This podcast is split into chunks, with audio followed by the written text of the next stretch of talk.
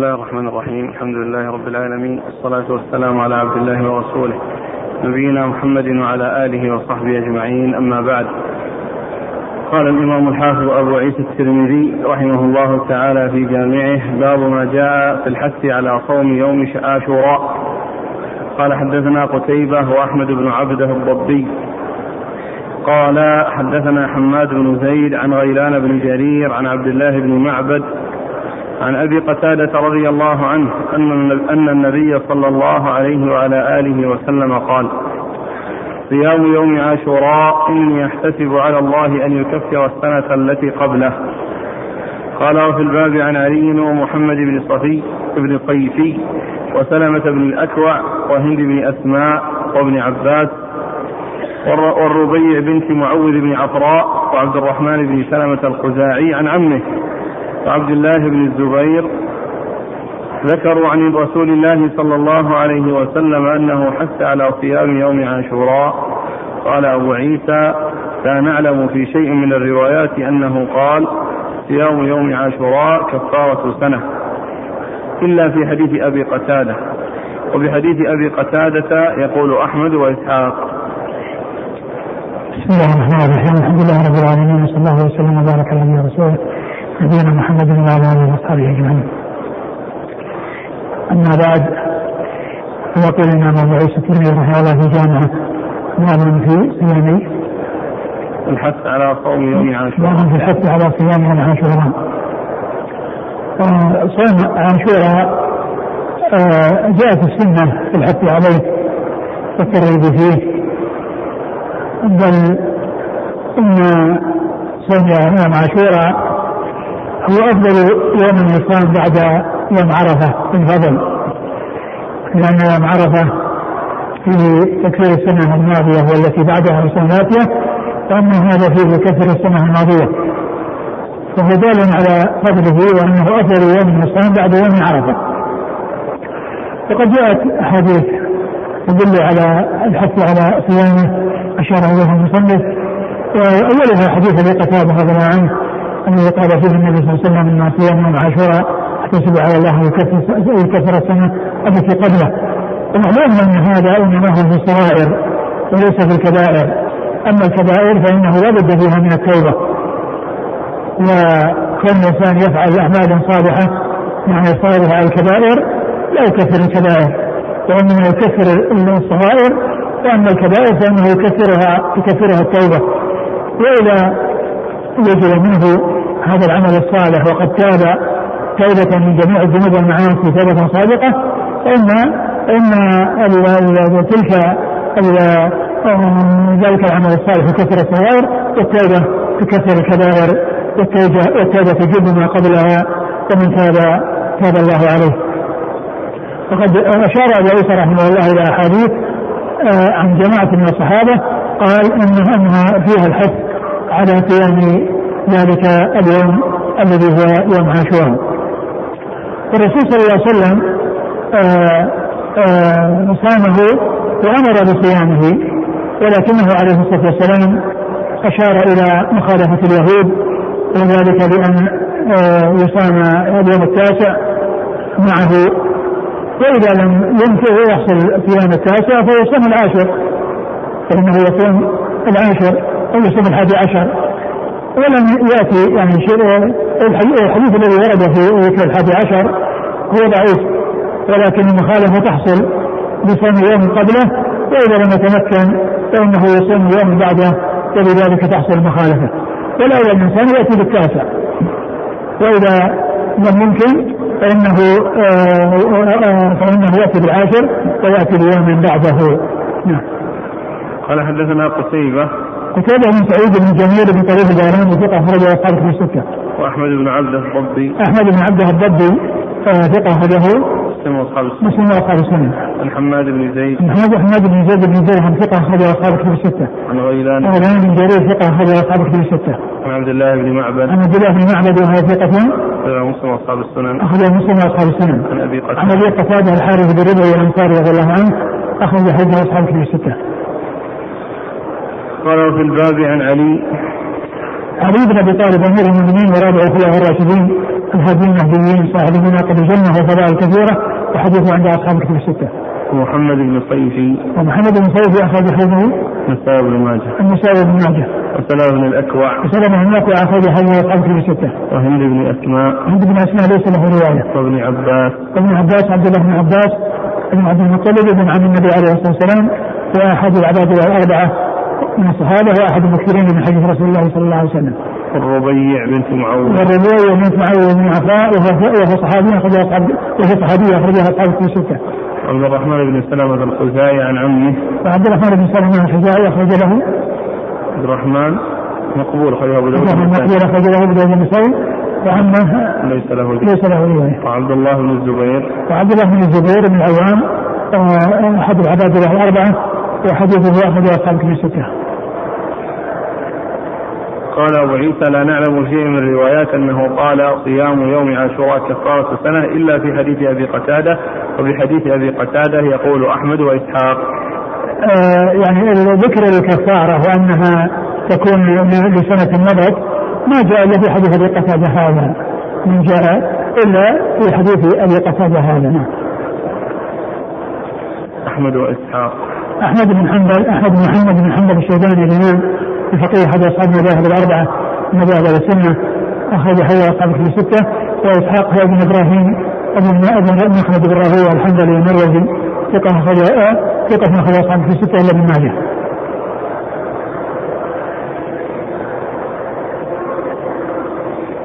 قال رحمه الله تعالى باب ما جاء في الرخصة في ترك صوم يوم عاشوراء قال حدثنا هارون بن إسحاق الهمداني قال حدثنا عبدة بن سليمان عن هشام بن عروة عن أبيه عن عائشة رضي الله عنها أنها قالت كان عاشوراء يوما تصومه قريش في الجاهلية وكان رسول الله صلى الله عليه وسلم يصومه فلما قدم المدينة صامه وأمر الناس بصيامه. فلما افترض رمضان كان رمضان هو الفريضة وترك عاشوراء. فمن شاء صامه ومن شاء تركه. وفي الباب عن ابن مسعود وقيس بن سعد وجابر بن سمرة وابن عمر ومعاوية رضي الله عنهم أجمعين. قال أبو عيسى والعمل عند أهل العلم على حديث عائشة وهو حديث صحيح. لا يرون صيام يوم عاشوراء واجبا إلا من رغب في صيامه لما ذكر فيه من الفضل. ثم أبو عيسى باب الرخصة في ترك صيام عاشوراء؟ يعني يوم عاشوراء ليس بفرض وإنما كان فرض في الأول. قبل أن يفرض رمضان ولكنه بعد ما فرض رمضان صار من الأمور المستحبة ولم يبقى واجبا وإنما وإنما بقي استحبابه مع صيام يوم معه وهو التاسع كما جاء ذلك عن رسول الله صلى الله عليه وسلم. فال وأورد أبو عيسى حديث عائشة أن أن الرسول صلى الله عليه وسلم أن المشركين كانوا يصومون يصومون يوم عاشوراء وأنه كان صامه وأنه لما هاجر إلى المدينة وفرض عليه شهر رمضان صيام شهر رمضان ترك يعني صيام عاشوراء يعني وأنه ذهب وجوبه وبقي استحبابه. ذهب وجوبه وبقي استحبابه. و وكان هذا قبل أن يفرض رمضان الوجوب وبعدما فرض استقر الذي يجب على المسلمين إنما هو صيام شهر واحد. وهو شهر رمضان وكل ما سوى ذلك فهو تطوع ومعلوم أن عرفة أفضل من يوم عاشوراء وهو في الفضل أفضل منه ولكن هذا كان فرض على الناس من قبل ولكنه انتهى ذلك الفرض الذي هو وجوبه على الناس بعدما فرض شهر رمضان. نعم. قال حدثنا هارون بن إسحاق الهمداني هارون بن إسحاق الهمداني صدوق البخاري في القراءة والترمذي والنسائي صدوق صدوق البخاري في القراءة والترمذي والنسائي وابن ماجه. عن عبده بن سليمان عبده بن سليمان ثقة أخرج أصحاب في الستة. عن هشام بن عروة عن هشام بن عروة ثقة أخرج أصحاب في الستة. عن عروة عن أبي عروة بن الزبير بن العوام ثقة فقيه وهو أحد فقهاء المدينة السبعة في عصر التابعين أخرجه أصحاب في الستة. عن عائشة عن عائشة بن المؤمنين رضي الله عنها وأرضاها صديقة بن الصديق وهو أحد وهو من المكثرين من حديث رسول الله صلى الله عليه وسلم. وفي الباب عن ابن مسعود. ابن مسعود عبد الله بن مسعود الهذلي أخرج حديث أصحاب في الستة. وقيس بن سعد. وقيس بن سعد بن عبادة أخرج حديث أصحاب في الستة. وجابر بن سمرة. جابر. وجابر بن سمرة أخرج حديث أصحاب في ستة ابن عمر. وابن عمر عبد الله بن عمر بن الخطاب أحد العبادلة وأحد السبعة المكثرين من حديث رسول الله صلى الله عليه وسلم. ومعاوية. ومعاوية بن أبي سفيان رضي الله عنه أخرج حديث أصحاب في ستة قال أبو عيسى والعمل عند أهل العلم على حديث عائشة وهو حديث صحيح لا يرون صيام يوم عاشوراء واجبا إلا من رغب في صيامه لما ذكر فيه من الفضل. قال رحمه الله باب ما جاء عاشوراء أي يوم هو قال حدثنا هناد وأبو كريب قال حدثنا وكيع عن حاج بن عمر عن الحكم بن الأعرج قال انتهيت إلى ابن عباس رضي الله عنه وهو متوسد رداءه في زمزم فقلت أخبرني عن يوم عاشوراء أي يوم هو أي يوم هو أصومه؟ قال إذا رأيت هلال المحرم فاعدد ثم أصبح من التاسع صائما. قال فقلت أهكذا كان يصومه محمد صلى الله عليه وسلم؟ قال نعم. قال حدثنا قتيبة قال حدثنا عبد الوارث عن يونس عن الحسن عن ابن عباس رضي الله عنهما أنه قال أمر رسول الله صلى الله عليه وسلم بصوم عاشوراء يوم العاشر. قال أبو عيسى حديث ابن عباس حديث حسن صحيح. واختلف أهل العلم في يوم عاشوراء فقال بعضهم يوم التاسع وقال بعضهم يوم العاشر. وروي عن ابن عباس أنه قال صوم التاسع والعاشر وخالف اليهود. وبهذا الحديث يقول الشافعي وأحمد وإسحاق. مر عيسى باب يوم عاشوراء أي يوم هو ويوم عاشوراء هو العاشر واسمه مأخوذ واسمه يدل عليه لأن عاشوراء من العاشر. و ولكنه جاء أنه يصام قبله التاسع. وقد أورد آه، يعني آه، أبو عيسى حديث حديث ابن عباس في هذا أن الرسول أن ابن عباس سئل أنه قال أي شيء؟ أخبرني عن يوم عاشوراء أي يوم هو أصومه؟ أخبرني عن يوم عاشوراء أي يوم أصومه؟ وقال إذا رأيت هلال المحرم فاعدد تسعا ثم أصبح صائما. ثم اعدد تسعا. فاعدد ثم أصبح من التاسع صائما. اعدد ثم أصبح من التاسع صائما. آه، أصبح من آه، ثم أصبح من التاسع صائما. و والحديث الذي بعده يعني انه هو العاشر ويجمع بينهما كما جاء عن ابن عباس في الآخر أنه يجمع ويصام التاسع والعاشر ويكون ابن عباس رضي الله عنه أرشده إلى ما يصومه وأنه يصوم التاسع والعاشر وليس ما أنه يصوم التاسع وهو هو يترك وأنه لا يصوم سواه. وإنما يصوم معه العاشر لأن ابن عباس رضي الله عنه هو الذي قال ان إنه تحصل مخالفه بهذا الكتاب بان يصوم التاسع والعاشر. ثم قال هكذا الرسول كان يصومه؟ قال نعم. قال نعم. يعني أن الرسول عليه الصلاة والسلام وما كان يصوم التاسع ولكنه كان يصوم العاشر فقال لو بقيت إلى إلى إلى قبل لاصوم التاسع. يعني مع العاشر. واصوم التاسع مع العاشر. وبهذا يكون معنى ذلك أن هذا هو الذي جاء عن رسول الله عليه الصلاة والسلام. وهذا المعنى هو الذي ذكره الشارع عن عن الشوكاني من الاوطار يعني أن لا يجمع بين ما جاء في حديث ابن عباس الأول والحديث الثاني أنه آه، آه، أن الإنسان يصومهما معا يصومهما معا يعني اليوم العاشر والذي قبله. فيكون ابن عباس رضي الله عنه لم يكن يبين له اليوم العاشر وانما بين له الصيام الذي يكون في عاشوراء. أو في آه، في شهر محرم من أجل عاشوراء وهو اليوم التاسع واليوم الذي بعده هو العاشر. وليس من ذلك أنه يصوم التاسع ثم يمسك ولا يصوم وإنما يصوم هذا ويصوم هذا. شوف إيش قال الشوكاني. الشارح.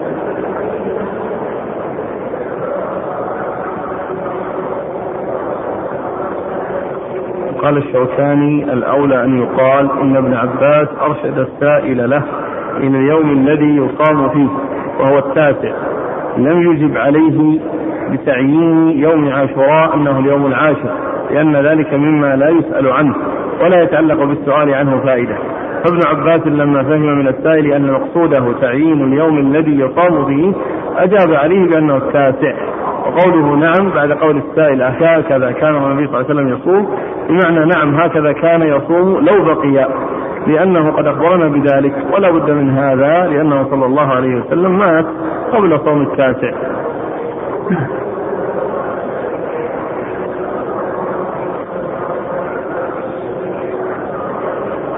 قال وتأويل ابن المنير في غاية البعد. لأن قوله وأصبح يوم وأصبح يوم الناس صائما. يوم التاسع؟ وأصبح يوم التاسع صائما.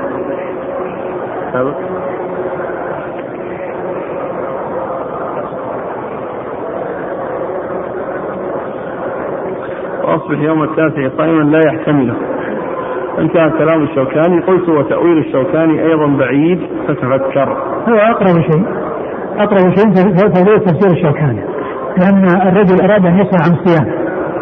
أراد أن يسأل عن الصيام فأخبره بأن الصيام يكون التاسع والعشر لأنه يكون التاسع والعشر ليس العشر وحده وإنما معه التاسع لأن النبي صلى الله عليه وسلم أرشده آه، آه، أمر به صامه وأمر بصيامه وقال أن لقيت قال لا اصوم التاسع اذا هذا هو الذي آه، جاء رسول الله عليه السلام لأن الإنسان إذا دخل في العشر يحسب ثم يصوم التاسع ويصوم العاشر. من أجل مخالفة أهل الكتاب في إضافة التاسع إلى العاشر. نعم. قال حدثنا هناد هناد بن السري السري ثقه اخرجه البخاري في خلق الخارجات مسلم واصحاب السنن وأبو كريب. أبو كريب محمد بن العلاء بن كريب أبو كريب ثقه أخرج اصحاب في السته عن وكيع. وكيع بن جراح رؤاس الكوفي ثقه أخرج اصحاب في السته عن حاجب بن عمر. عن حاجب بن عمر هو. ثقة أخرجه مسلم وأبو داود والترمذي. ثقة أخرجه مسلم وأبو داود والترمذي. عن الحكم بن الأعرج. عن الحكم بن الأعرج وهو ثقة أخرجه مسلم وأبو داود والترمذي والنسائي. ثقة أخرجه مسلم وأبو داود والترمذي والنسائي. عن ابن عباس. عن عباس رضي الله عنه مر ذكره وهو متوسد رداءه في زمزم. يعني عن زمزم. قال حدثنا قتيبة عن عبد الوارث. آه، قتيبة مر ذكره وعبد الوارث بن سعيد العنبري ثقة أخرج أصحابه في الستة. عن يونس عن الحسن. يونس بن عبيد ثقة أخرج أصحابه في الستة. الحسن الحسن ابن أبي الحسن البصري. ثقة أخرج أصحابه في الستة. عن ابن عباس نعم. قال أبو عيسى حديث ابن عباس حديث حسن صحيح واختلف أهل العلم في يوم عاشوراء فقال بعضهم يوم التاسع وقال بعضهم يوم العاشر وروي عن ابن عباس أنه قال صوموا التاسع والعاشر وخالفوا اليهود وبهذا الحديث يقول الشافعي وأحمد وإسحاق وهذا يوضح كلام ابن عباس يعني صوم التاسع والعاشر خالف اليهود نعم. قال رحمه الله تعالى باب ما جاء في صيام العشر. قال حدثنا هناد قال حدثنا أبو معاوية عن الأعمش عن إبراهيم عن الأسود عن عائشة رضي الله عنها أنها قالت ما رأيت النبي صلى الله عليه وسلم صائما في العشر قط. قال أبو عيسى هكذا روى غير واحد عن الأعمش عن إبراهيم عن الأسود عن عائشة. وروى الثوري وغيره هذا الحديث عن منصور عن إبراهيم أن النبي صلى الله عليه وسلم لم ير صائما في العشر. وروى أبو الأحوص عن منصور عن إبراهيم عن عائشة ولم يذكر فيه عن الأسود وقد اختلفوا على منصور في هذا الحديث. ورواية الأعمش أصح وأوصل إسنادا. قال وسمعت محمد بن أبان يقول سمعت وكيعا يقول الأعمش أحفظ لإسناد إبراهيم من منصور. ثم ابو عيسى باب صيام العشر وهي عشر ذي الحجة هو المقصود التسعه لأن العاشر هو يوم العيد ولكن المقصود التسعة التي هي من أول الشهر إلى التاسع. التاسع وهو أفضل يوم يصام تطوعا وقد جاء فيه آه، ما يخصه الحديث الذي سبق أن مر أنه كفر السنة الماضيه والسنة التي بعده. الحديث العشر آه، آه، جاء في صيامها الحديث الذي آه، سيأتي هو من ما من أيام العمل الصالح إن احب الله من هذه الأيام العشر. فمن المعلوم من العمل الصالح ان من الأعمال الصالحة الصيام. ومعلوم أيضا أن نفس يوم عرفة وهو من من, من هذه الأيام جاء ما يدل على صومه بخصوصه في حق غير الحجاج. وأن اما الحجاج فإن الأفضل في حقهم أن يكونوا مفترين اقتداء برسول الله صلى الله عليه وسلم وعلى هذا ففضله وفضل الصيام فيه داخل في عموم قوله صلى الله عليه وسلم من أيام العمل الصالح فيهن أحب إلى الله من هذه الأيام العشر التي تاتي. وقد روى ابو عيسى حديث عائشة رضي الله عنها ان النبي صلى الله عليه وسلم ما صام يعني آه، العشر أن لم يصوم العشر مرات صائما العشر وهي تحكي عما عما علمته وعن رأته من رسول الله صلى الله عليه وسلم. وثبوته ثبوت الصيام إنما هو هذا الحديث الذي يدل على فضل الأعمال مطلقا ومنها الصيام لا سيما صيام عرفة الذي جاء فيها حديث تخصه وتدل على بيان فضلته آه وعلى هذا فيكون ما جاء من النفي محمولا على ما علمته وعلى ما شاهدته. آه آه وأن الصيام يبنى ويعتمد فيه على الإثبات الذي ورد في فضل العمل الصالح في الأيام العشر ومن ذلك الصيام. نعم. قال حدثنا هناد نعم. عن أبي معاوية عن الأعمش. أبو معاوية محمد بن خالد بن الضرير الكوفي ثقة أخرج اصحابه في ستة والأعمش سليمان بن مهران الكاهلي الكوفي ثقة أخرج اصحابه في ستة. عن إبراهيم إبراهيم بن يزيد بن قيس النخعي ثقة أخرج اصحابه في ستة. عن الأسود الأسود ثقة أخرج اصحابه في ستة. عن عائشة. عن عائشة بن رضي الله عنها وقد مر ذكرها.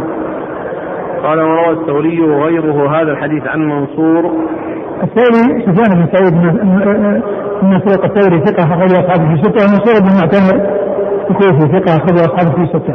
عن إبراهيم أن النبي صلى الله عليه وسلم لم يرى صائما في العشر وروى أبو الأحوص أبو الأحوص سلمان بن سليم الحنفي ثقة أخرج أصحابه في ستة.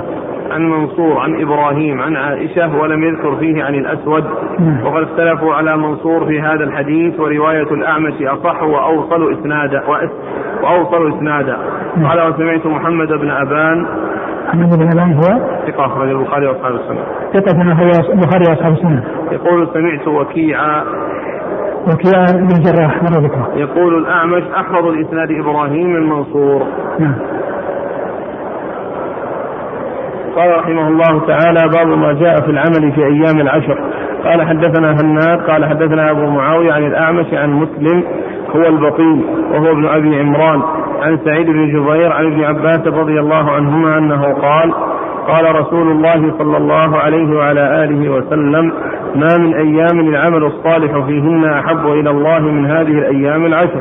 فقالوا يا رسول الله ولا الجهاد في سبيل الله؟ فقال رسول الله صلى الله عليه وسلم ولا الجهاد في سبيل الله إلا رجل خرج بنفسه وماله فلم يرجع من ذلك بشيء. قال وفي الباب عن ابن عمر وأبي هريرة وعبد الله بن عمرو وجابر رضي الله عنهم أجمعين. قال أبو عيسى حديث ابن عباس حديث حسن صحيح غريب. أبو عيسى باب العمل في الأيام العشر. باب العمل في الأيام العشر. وهنا العمل مطلق ويذكر فيه الصيام. لأنه من جملة الأعمال الصالحة. التي يتقرب بها إلى الله سبحانه وتعالى. ومنها يوم عرفة وقد جاء فيه الأحاديث تخصه. قد جاء فيه الأحاديث التي تخصه. وأي عمل صالح يتقرب إلى الله عز وجل فيه في هذه العشر فإن شأنه عظيم عند الله سبحانه وتعالى. كما جاء في هذا الحديث ما من أيام العمل الصالح فيما احب الله من هذه الأيام العشر. قالوا ولا الجهاد في سبيل الله. وذلك أنهم يعلمون الجهاد في سبيل الله هو نافع الأعمال. قال ولا الجهاد في سبيل الله الا رجل خرج نفسه وماله ثم لم يرجع من ذلك بشيء. وهذا يدلنا على فضل هذه العشر وعلى انها أفضل من غيرها. وقد اختلف أهل العلم هل عشر ذي الحجة أو العشر الأواخر من رمضان أفضل؟ والتفصيل الذي قاله بعض أهل العلم أن الليالي بالنسبة لشهر رمضان أنها أفضل لأن فيها ليلة القدر وهي خير من ألف شهر. وبالنسبه للايام يوم عرفة الذي العشر العشر بالحجه التي منها يوم عرفة والذي هو خير يوم طلعت عليه الشمس وهو أفضل يوم يصام تطوعا قال حدثنا هناد عن أبي معاوية عن الأعمش عن مسلم هو البطين. مسلم بن عمران أو ابن ابي أو ابن أبي عمران البطين وهو ثقة اخرج أصحابه في الستة. عن سعيد بن جبير. عن سعيد بن جبير ثقة اخرج أصحابه في الستة. عن ابن عباس. نعم. قال وفي الباب عن ابن عمر وأبي هريرة. أبي هريرة عبد الرحمن بن الدوسي لا كان صحابة حديثا. وعبد الله بن عمرو. عبد الله بن عمرو بن العاص أحد العباد له أربع من الصحابة وحديثه أخرجه أصحاب كتب الستة. وجابر. جابر بن عبد الله الأنصاري رضي الله عنه أحد السبع المكثرين من حديث رسول الله صلى الله عليه وسلم. قال حدثنا أبو بكر بن نافع البصري قال حدثنا مسعود بن واصل عن نهاس بن قهم عن قتادة عن سعيد بن المسيب عن أبي هريرة رضي الله عنه عن النبي صلى الله عليه وآله وسلم أنه قال: ما من أيام أحب إلى الله أن أن يتعبد له فيها من عشر ذي الحجة يعدل صيام كل يوم منها بصيام سنة وقيام كل ليلة منها بقيام ليلة القدر. قال أبو عيسى هذا حديث غريب لا نعرفه إلا من حديث مسعود بن واصل عن النهاس قال وسألت محمدا عن هذا الحديث فلم يعرفه من غير هذا الوجه مثل هذا. قال قد روي عن قتادة عن سعيد بن المسيب عن النبي صلى الله عليه وسلم مرسلا شيء من هذا. وقد تكلم يحيى بن سعيد في نهاس بن قهم من قبل حفظه. ثم رد أبو عيسى هذا الحديث؟ وهو حديث أبي هريرة. أبي هريرة عنه. ما من أيام ما من أيام أحب يتعبد الله عز وجل فيها من هذه الأيام العشر وأن صيام يعدل الصيام كل يوم منها بصيام يعدل كل صيام كل يوم منها بصيام سنة وقيام وقيام ليلة قيام ليلة القدر. وهذا حديث ضعيف فيه رجلان ضعيفان. أحدهما مسعود بن واصل وفريد الحديث والثاني النحاس وهو ضعيف وهو غير ثابت. بينما الثالث هو الأول الذي هو ما من أيام أحب إلى ما من أيام ما من أيام العمل الصالح فيهن أحب إلى الله من هذه الأيام العشر. الحديث الذي مر وقد أخرجه البخاري. نعم. قال حدثنا أبو بكر بن نافع البصري. ابو بكر بن نافع البصري محمد بن أحمد وهو صدوق هو مسلم والترمذي والنسائي. صدوق هو مسلم والترمذي والنسائي. عن مسعود بن واصل. عن مسعود بن واصل وفلي الحديث اخرج له. الترمذي وابن ماجه. الترمذي وابن ماجه. عن نهاس بن قهم. عن نهاس بن قهم وهو ضعيف اخرج له. قال المفرد وابو داوود والترمذي وابن ماجه. البخاري في المفرد وأبو داوود والترمذي وابن ماجه. عن قتادة عن سعيد بن المسيب. قتادة بن جعفر السدوسي البصري ثقة أخرج أصحاب في الستة وسعيد بن سعيد هو ثقة فقيه أحد فقهاء المدينة السبعة جاء التابعين أخرج أصحاب في الستة. عن أبي هريرة.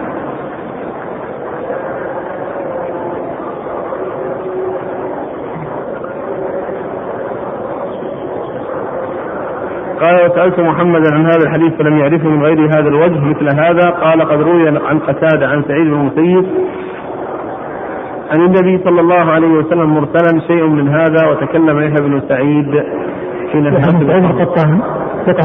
في الستة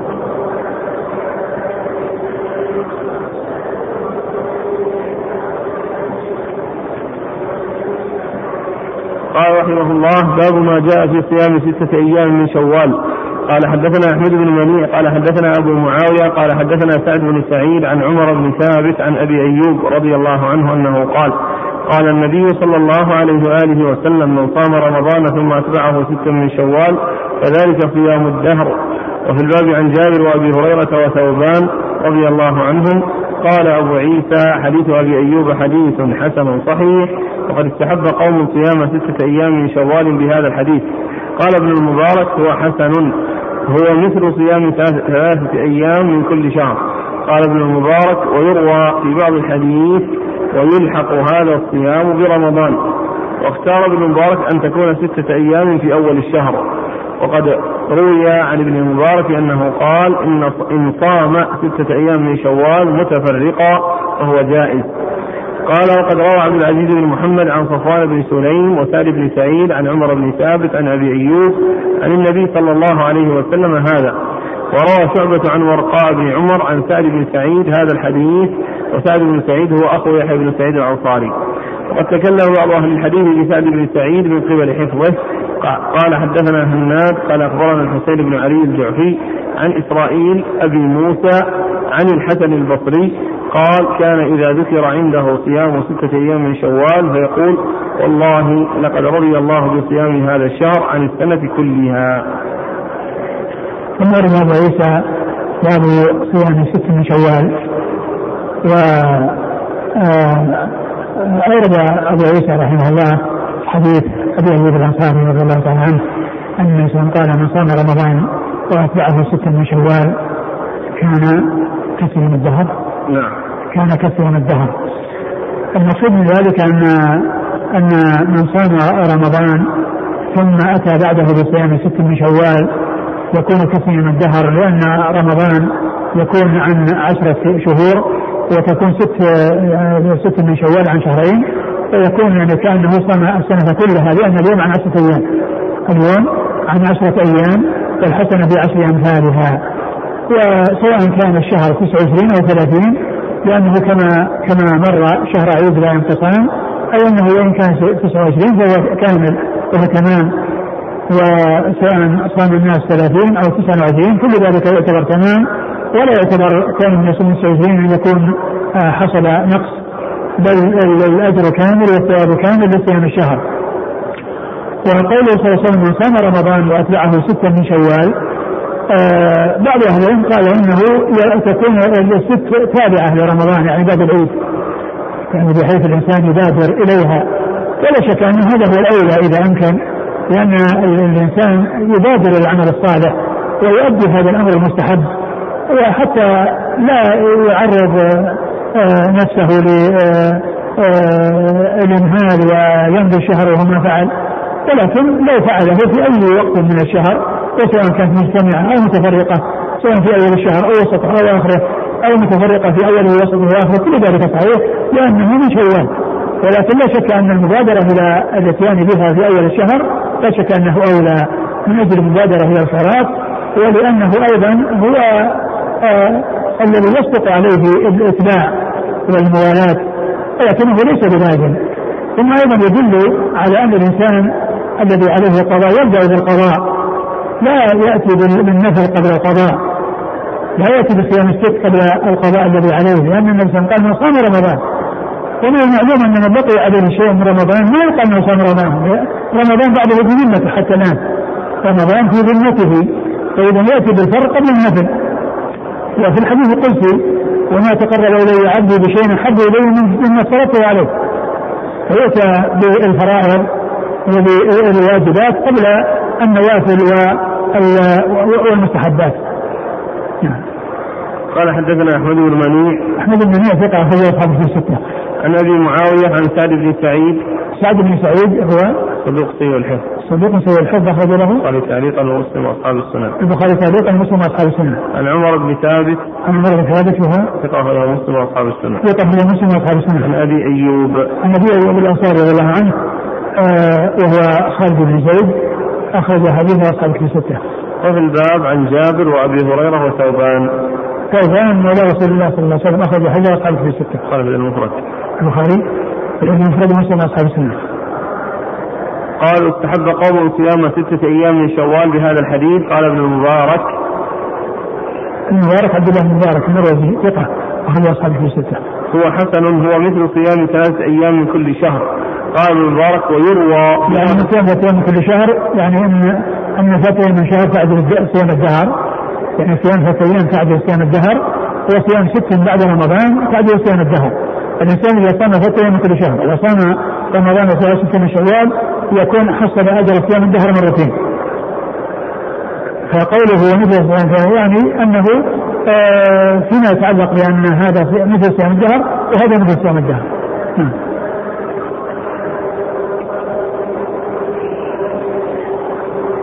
قال المبارك ويروى في بعض الحديث ويلحق هذا الصيام برمضان. اختار ابن المبارك أن تكون ستة أيام في أول الشهر. نعم تكون في أول الشهر لا شك أن هذا هو الأولى إذا أمكن. لأن يعني فيه مبادرة إلى الصلاه وعدم تعريض النفس لمرور الأيام.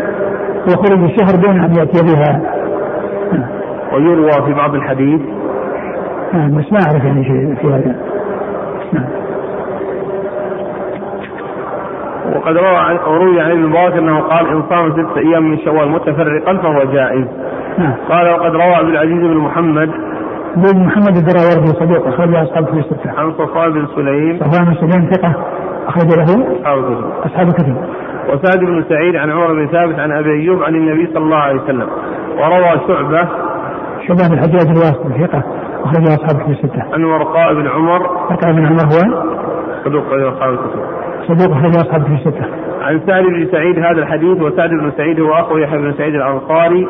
وقد تكلم بعض أهل الحديث في سعد بن سعيد من قبل حفظه. حدثنا هناد قال أخبرنا الحسين بن علي الجعفي. حسين بن علي الجعفي ثقة. اخرج اصحاب الكتب السته عن إسرائيل أبي موسى اسرائيل ابي موسى هو ثقة أخرجه البخاري وأبو داود والترمذي والنسائي.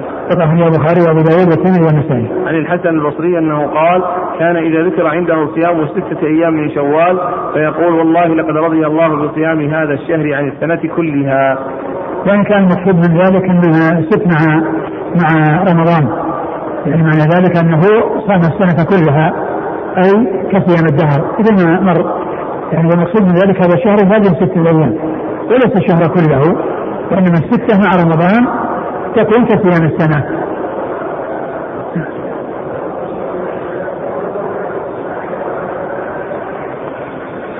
قال رحمه الله تعالى باب ما جاء في صوم ثلاث أيام من كل شهر. قال حدثنا قتيبة قال حدثنا أبو عوانة عن سمات بن حرب عن أبي الربيع عن أبي هريرة رضي الله عنه أنه قال عهد إلي النبي صلى الله عليه وسلم ثلاثة. أن لا أنام إلا على وتر وصوم ثلاثة أيام من كل شهر وأن, وأن أصلي الضحى. ثم روى عيسى بعد صيام ثلاث أيام من كل شهر.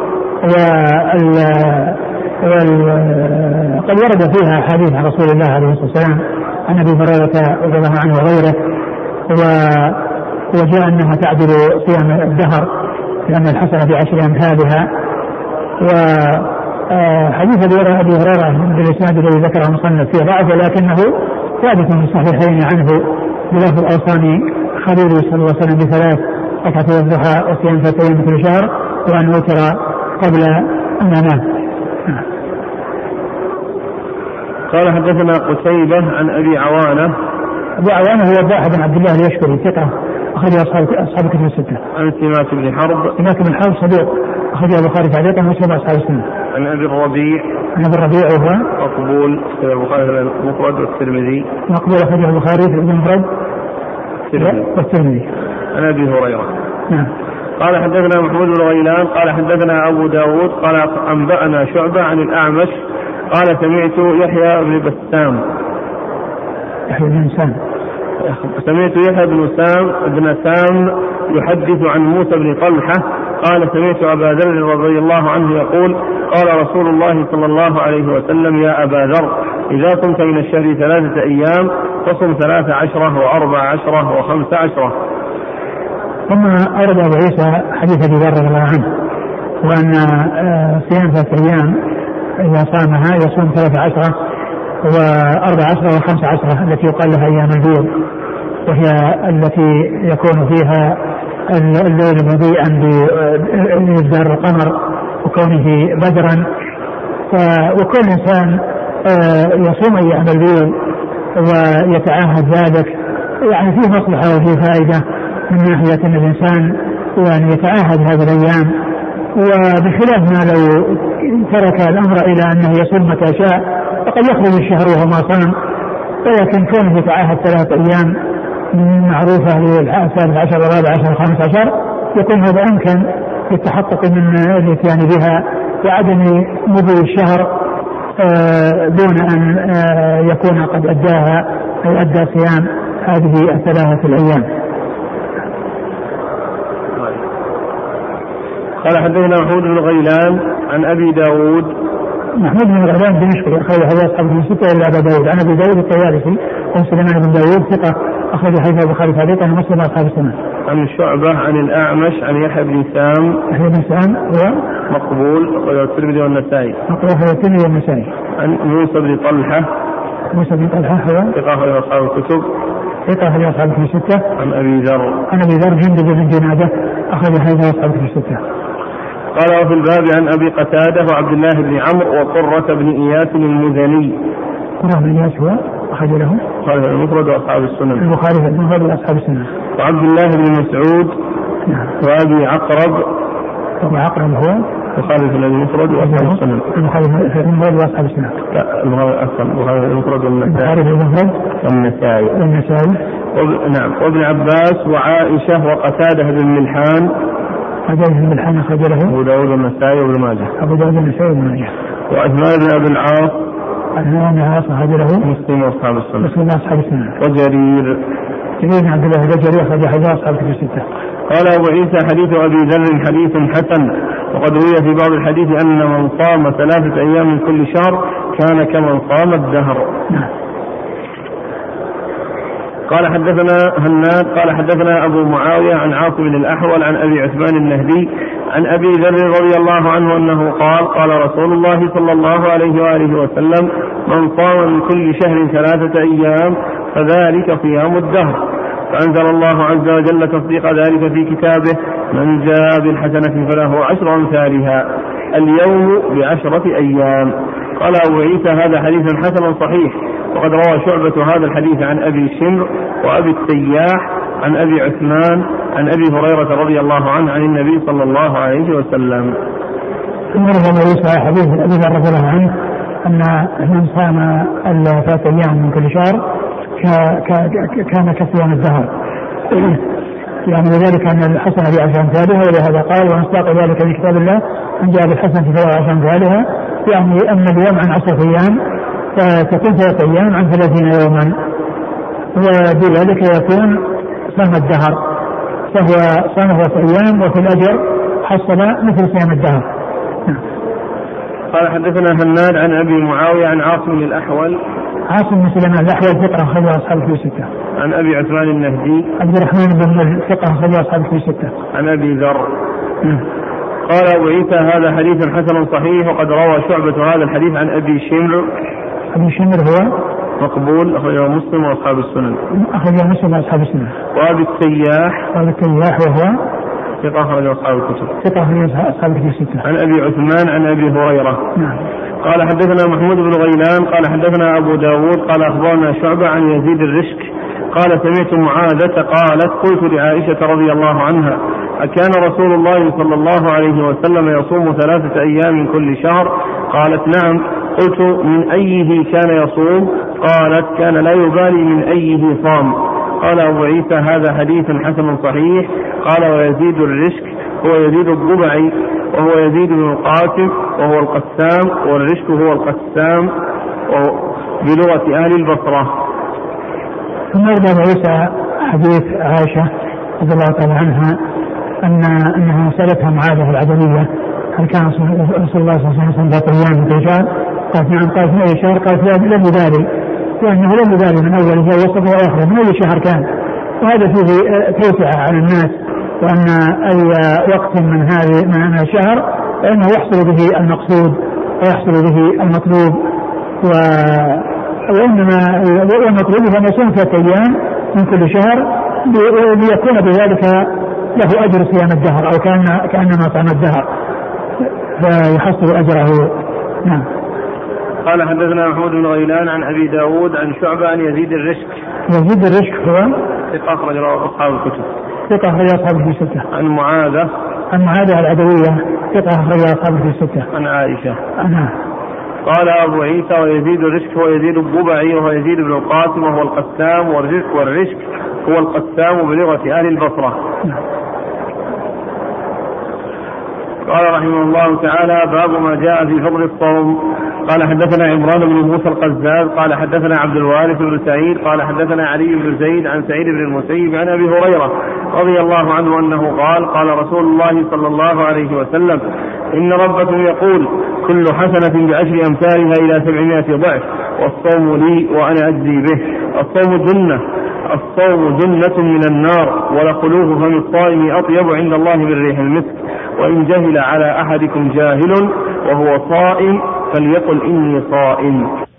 عن معاذ بن جبل وسهل بن سعد وكعب بن عجرة وسلامة بن قيصر وبشير بن الخصاصية رضي الله عنهم.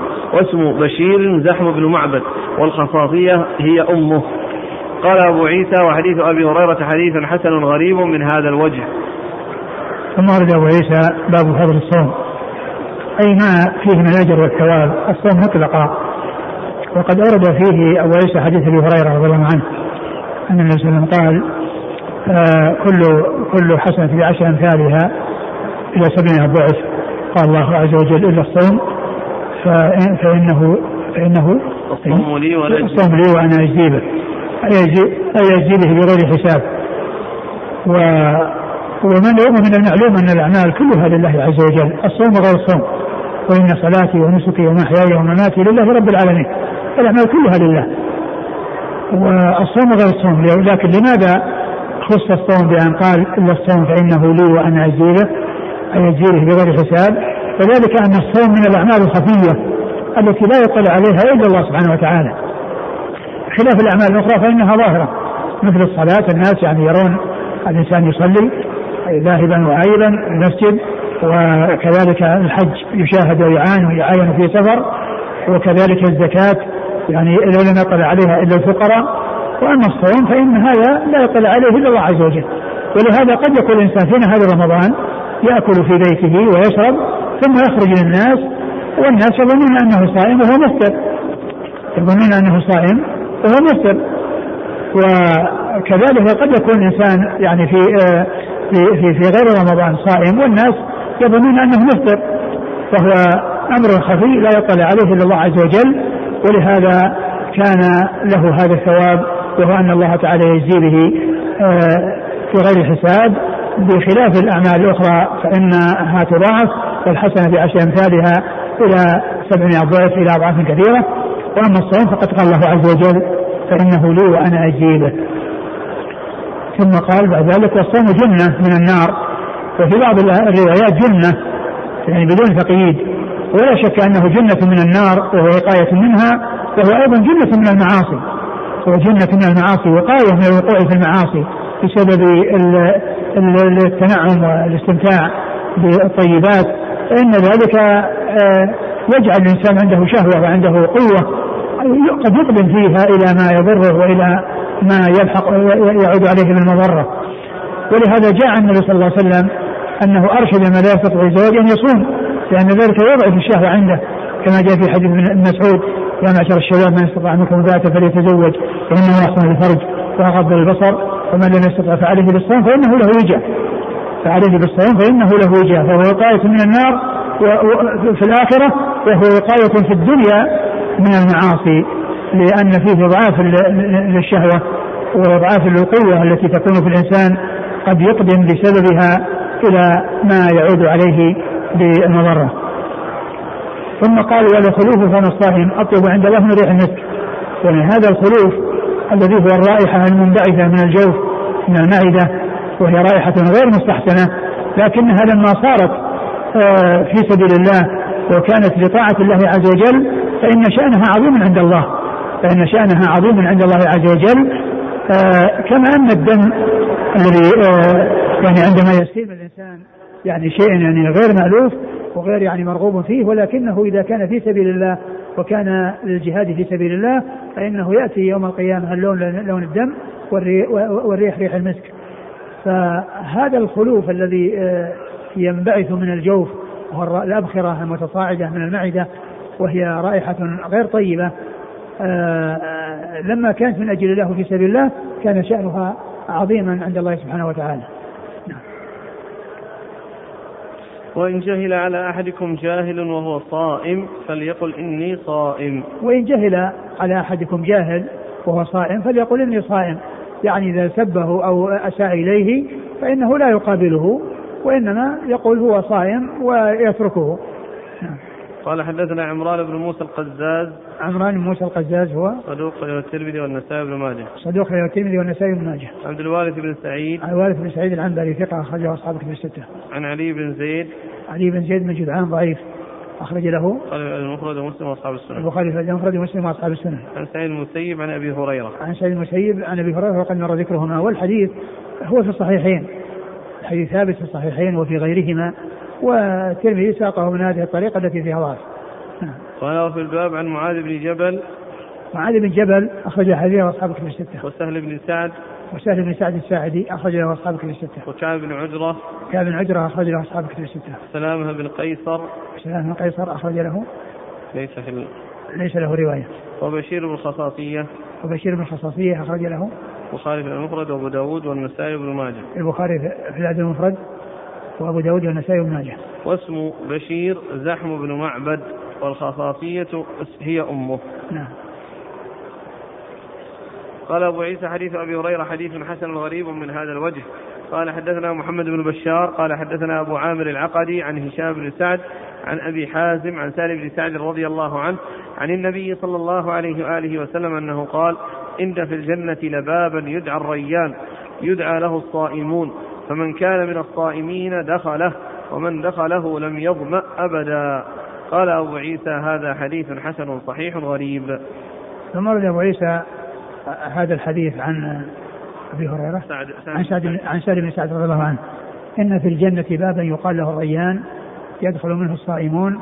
من دخل معه آه، آه، شرب شربة نعم. من كان من الصائمين دخله ومن دخله لم يظمأ أبدا. من كان من الصائمين دخله فلم يظمأ أبدا. آه، جاء في الحديث أن الإنسان يدعى من من أبواب الأعمال فإن كان من أبواب الصلاة من أهل الصلاة دعي من باب الصلاة وإن كان من أهل الجهاد دعي من باب الجهاد وإن كان من أهل الصدقة دعي من باب الصدقة. قال وإن كان من أهل الصيام دعي من باب الريان. ما قيل دعي من باب الصيام؟ يعني أتي باسم يقابل يعني المعنى الذي حصل من الإنسان. لأنه لما عطش نفسه لله في الحياة الدنيا أدخله الله من باب يشعر بالري وهو الريان. يعني لا يظمأ أبدا. فيكون آآ آآ كونه في هذه الحياة الدنيا صام وعطش نفسه لله فإنه يجازى بأن يدخل من هذا الباب الذي يحصل له الري ويقال له الريان. لا يظمأ بعد لا يظمأ بعد ذلك أبدا نعم قال حدثنا محمد بن بشار محمد بن بشار الملقب من دار ثقة أخرجه أصحاب كتب الستة وهو شيخ لأصحاب كتب الستة. عن أبي عامر العقدي. أبي عامر العقدي عبد الملك بن عمرو وهو صدوق. ثقة. وهو ثقة أخرجه أصحاب كتب الستة. عن هشام بن سعد. هشام بن سعد هو صدوق له أوهام. صدوق له أوهام أخرج حديثه. البخاري تعليقا ومسلم وأصحاب السنة. البخاري تعليقا ومسلم وأصحاب السنة. عن أبي حازم. عن أبي حازم سلمة بن دينار ثقة أخرجه أصحاب كتب الستة. عن سهل بن سعد. سهل بن سعد أخرجه أصحاب كتب الستة. قال حدثنا قتيبة قال حدثنا عبد العزيز بن محمد عن سهيل بن أبي صالح عن أبيه عن أبي هريرة رضي الله عنه أنه قال قال رسول الله صلى الله عليه وآله وسلم للصائم فرحتان فرحة حين يفطر وفرحة حين يلقى ربه قال أبو عيسى وهذا حديث حسن صحيح ثم أبو عيسى حديث أبي هريرة عن النبي صلى الله عليه وسلم قال للصائم فرحتان فرحة حين يفطر وفرحة حين يلقى ربه.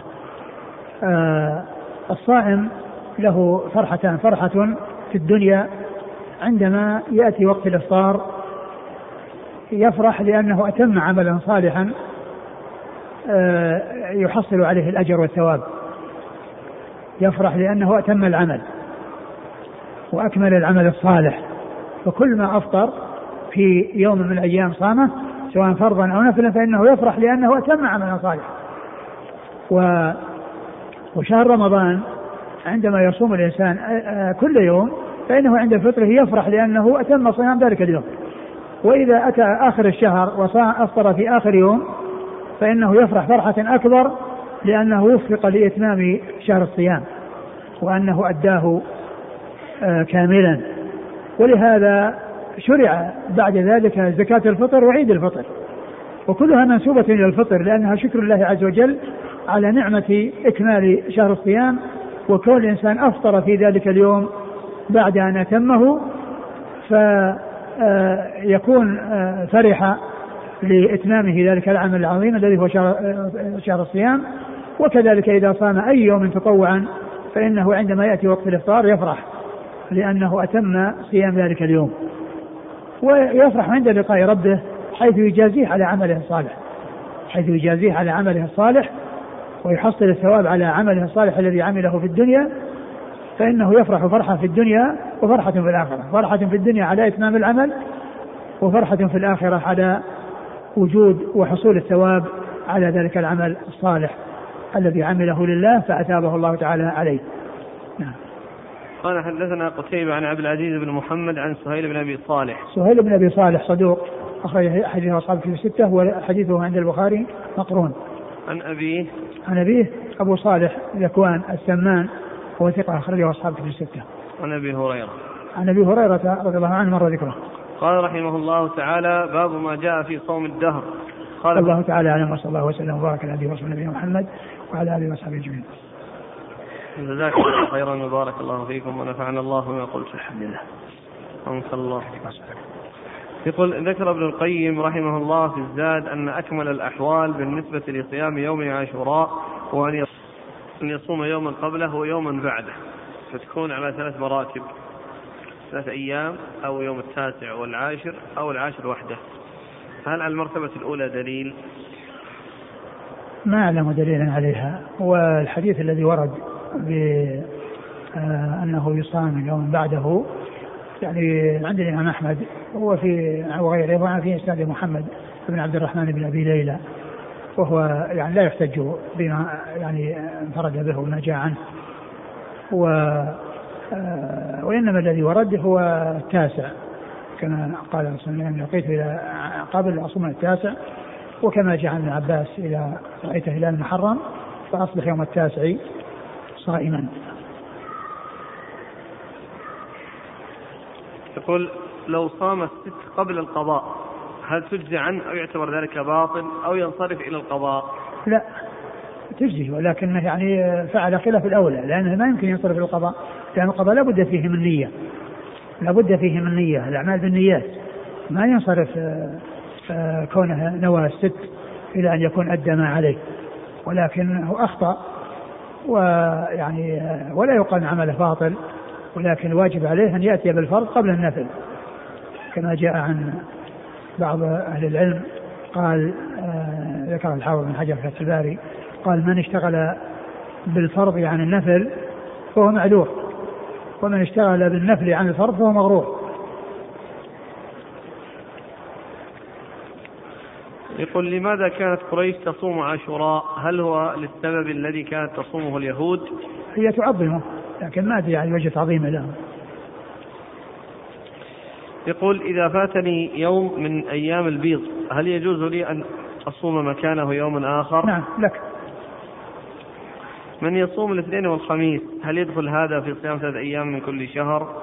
نعم إذا كان إذا كان يعني يصوم الاثنين والخميس ولا شك أنه صام ثلاثة أيام وزيادة. صام ثلاثة أيام وزيادة وهل الحث على صيام ثلاثة أيام غير أيام البيض؟ هي نفسها. بس أيام البيض بيانا للمكان أو للوقت الذي يعني يناسب أن تكون فيه حتى يكون الإنسان اعتاد ذلك وألفه ويتحراه بحيث لا يفوته.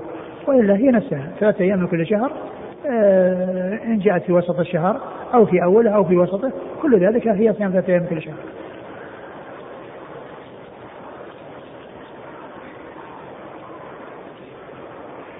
يقول هل يجوز لمن كان من عادته أن يصوم الأيام البيض أن يقضي اليوم الثالث عشر من ذي الحجة بأن يصوم الس... يقضي لا يجوز.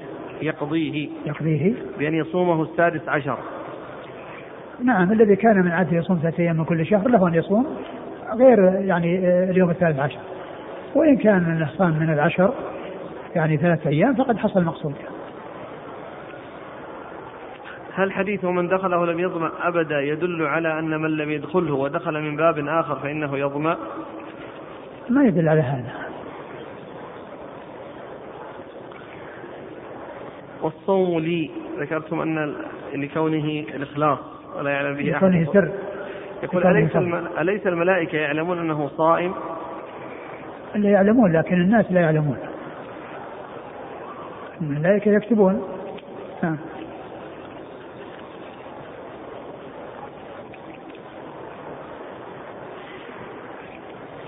يقول في بلدنا كثير من الناس كثير من الناس يصوموا ولا يصلون. يصومون ولا يصلون إلا صلاة التراويح. وفي هذا الحديث الصوم جنة من النار. فهذا دليل الإنسان الذي لا يصلي ويترك الصلوات الخمس لا ينفعه الصوم.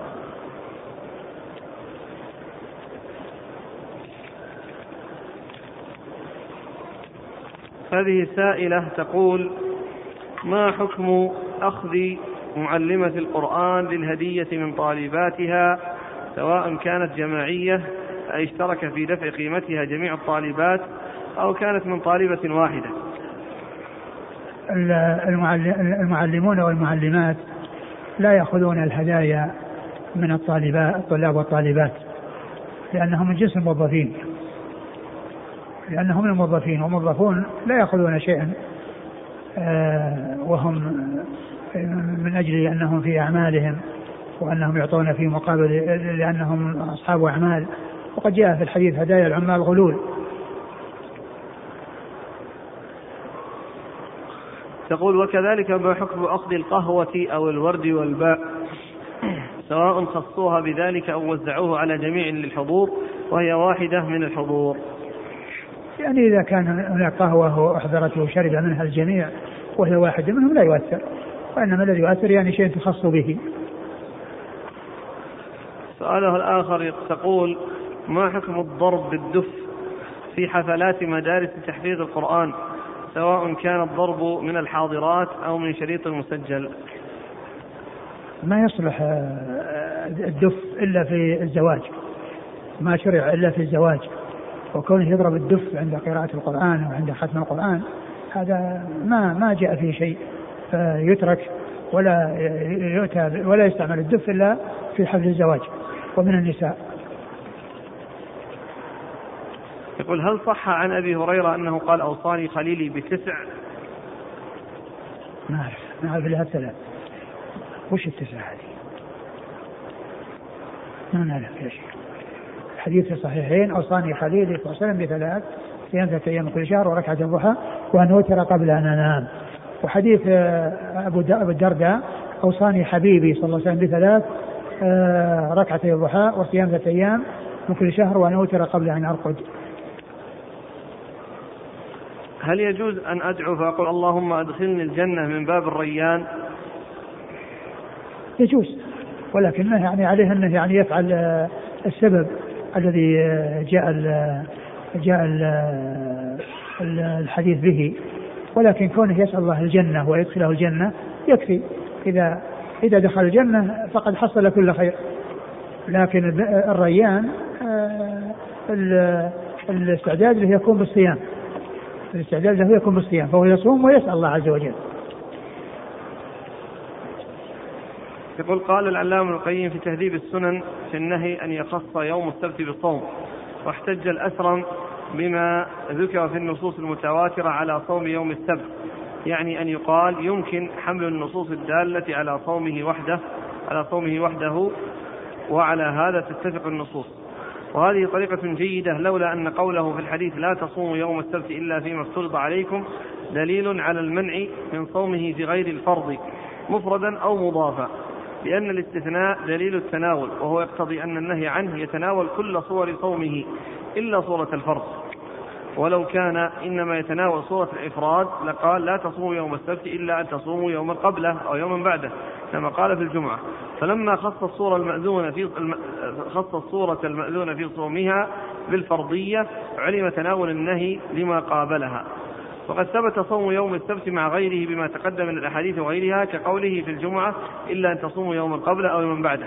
فدل على أن الحديث غير محفوظ وأنه شاذ. وقد قال أبو داود قال مالك هذا كذب. وقال طائفة منهم أبو داود وقال الطائفة منهم أبو داود هذا حديث منسوخ. انتهى كلام القيم. الحديث آه، أنا ذكرت في الدرس الماضي أن أو في الدرس الماضي أن الحافظ بن حجر يعني آه، ذكر في فتح الباري بعض الأحاديث الدالة على أنه يصام. و